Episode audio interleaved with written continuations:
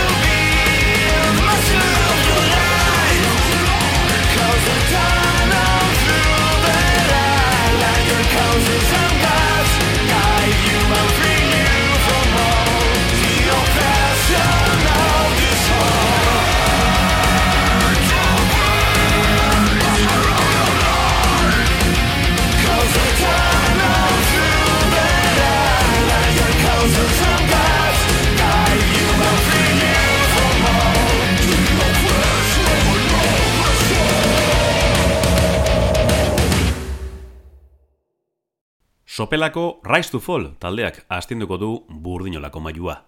Nazioarteko mugak berrindu ostean, melodez doinuak bosgarren dimentsiora goratu dituzte.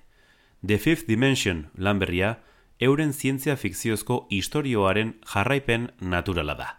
Hierophant abestiarekin hasiduko saioa. 2000 eta seian elkartu baziren ere, Rise to Fall banda, 2000 eta amarrean egon kortu zuten bost musikari bizkaitarrek.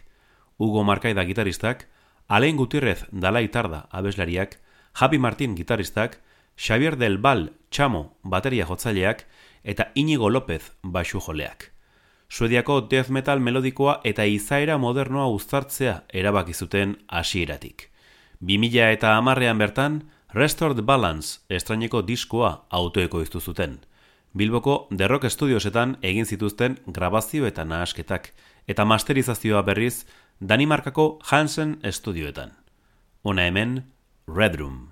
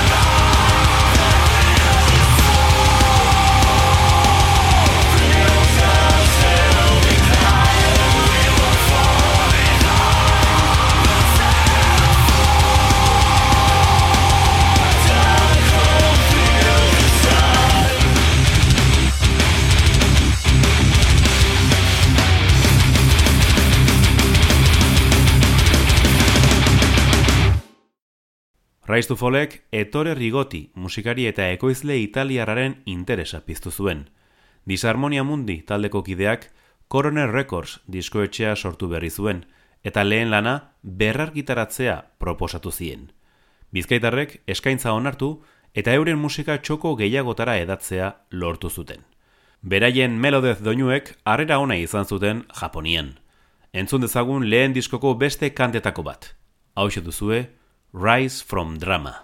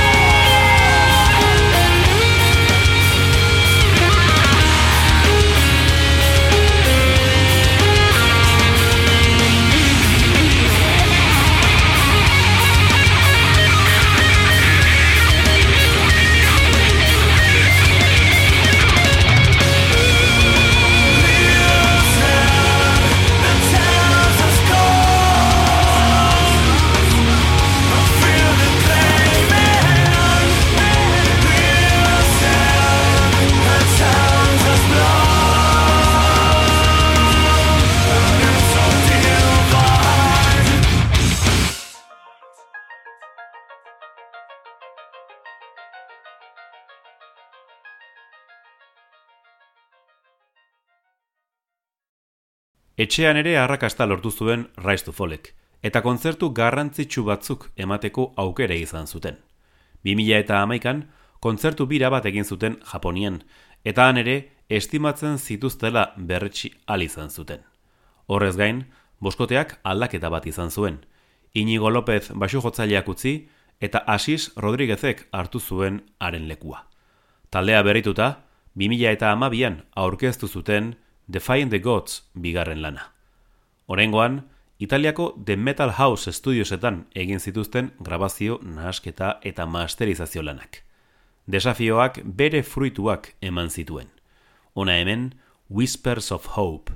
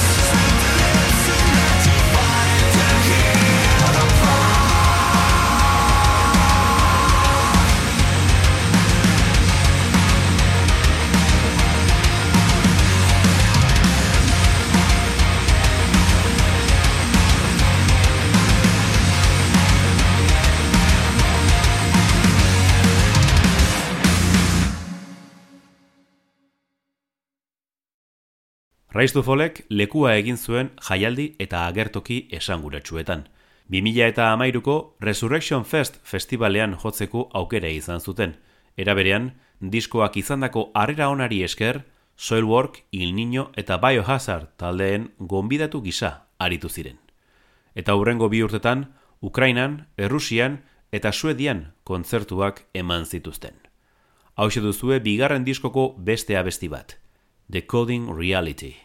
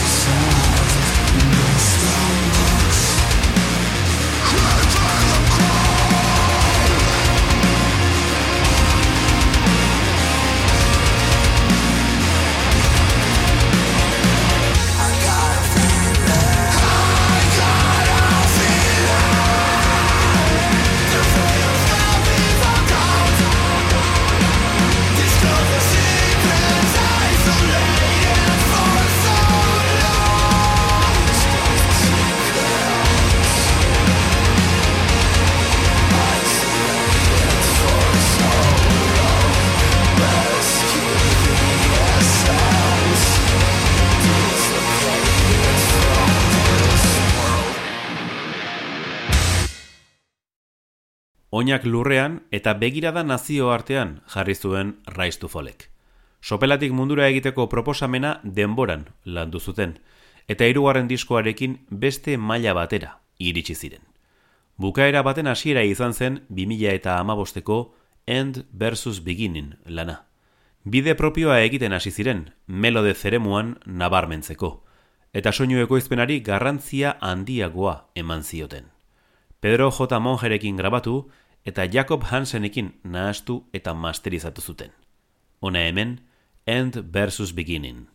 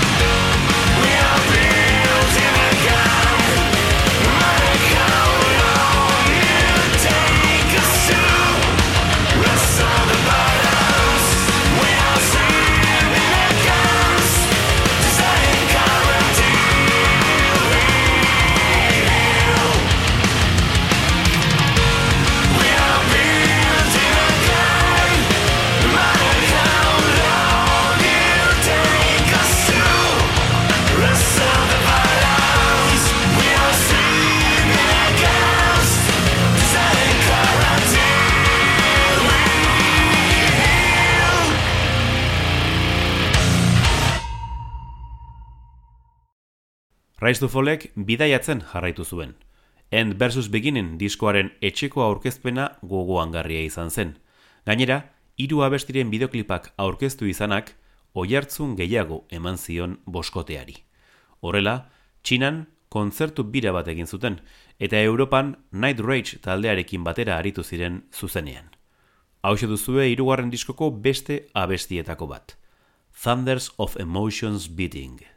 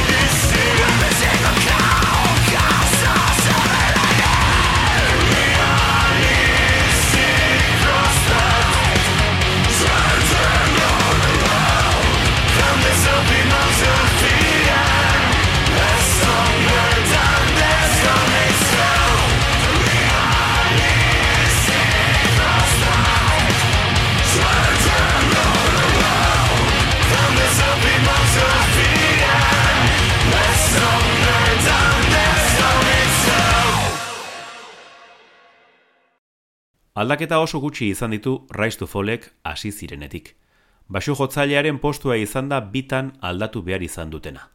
2000 eta emezortzian, Asis Rodriguezek banda utzi zuen arrazoi pertsonalengatik, eta basua Javi Martin gitarristak hartu zuen musika tresna aldatuta.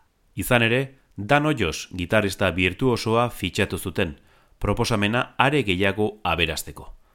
Arekin kaleratu zuten urte berean, Into Zero laugarren diskoa, autoeko izpen gisara. Ona hemen, The Descendant.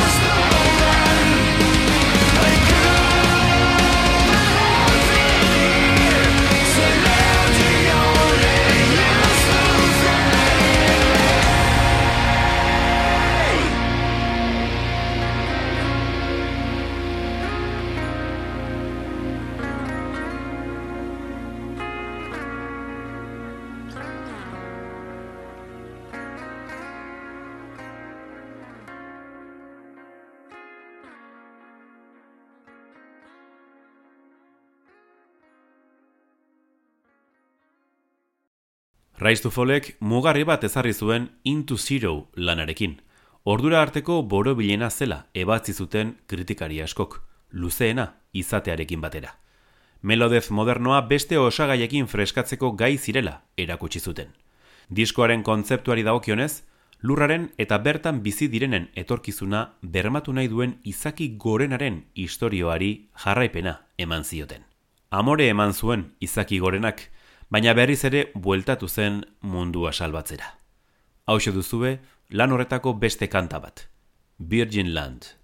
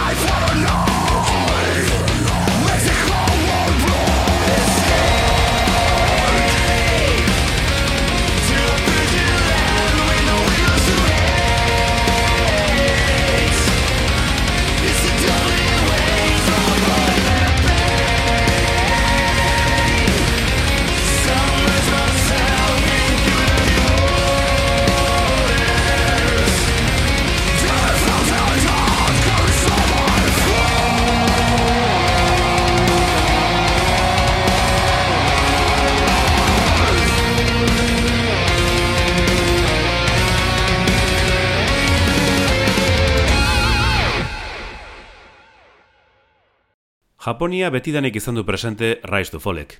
Disko bakoitzaren edizio japoniarrean abesti edo bitxikeria gehigarriak topa ditzakegu. Horietako asko entzungai daude plataforma digitaletan, eta bakarra da orain arte ofizialki aurkeztu dutena.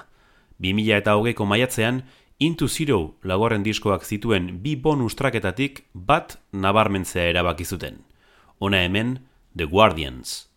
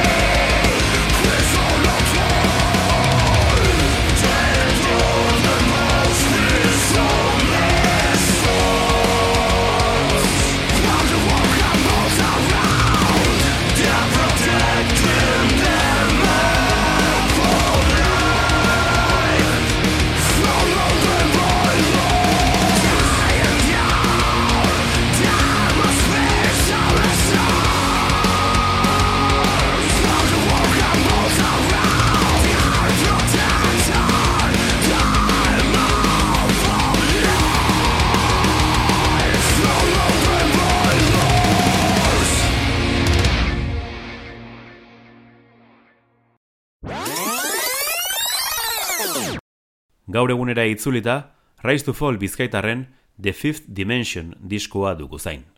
Pandemiak baldintzatu eta oztopatu zuen arren, osorik iritsi da gure belarrietara. Noble Demon diskoetxea Alemaniararekin sinatu izanak, berriz ere auspotu du taldea nazio artean. Baita ere, lana bere osotasunean Pedro J. Monjerekin eraiki izanak. Oinak etxean dituztelako. Programa amaitzeko disko berriko Heroes abestia aukeratu dugu. Urrengora arte, metalzale.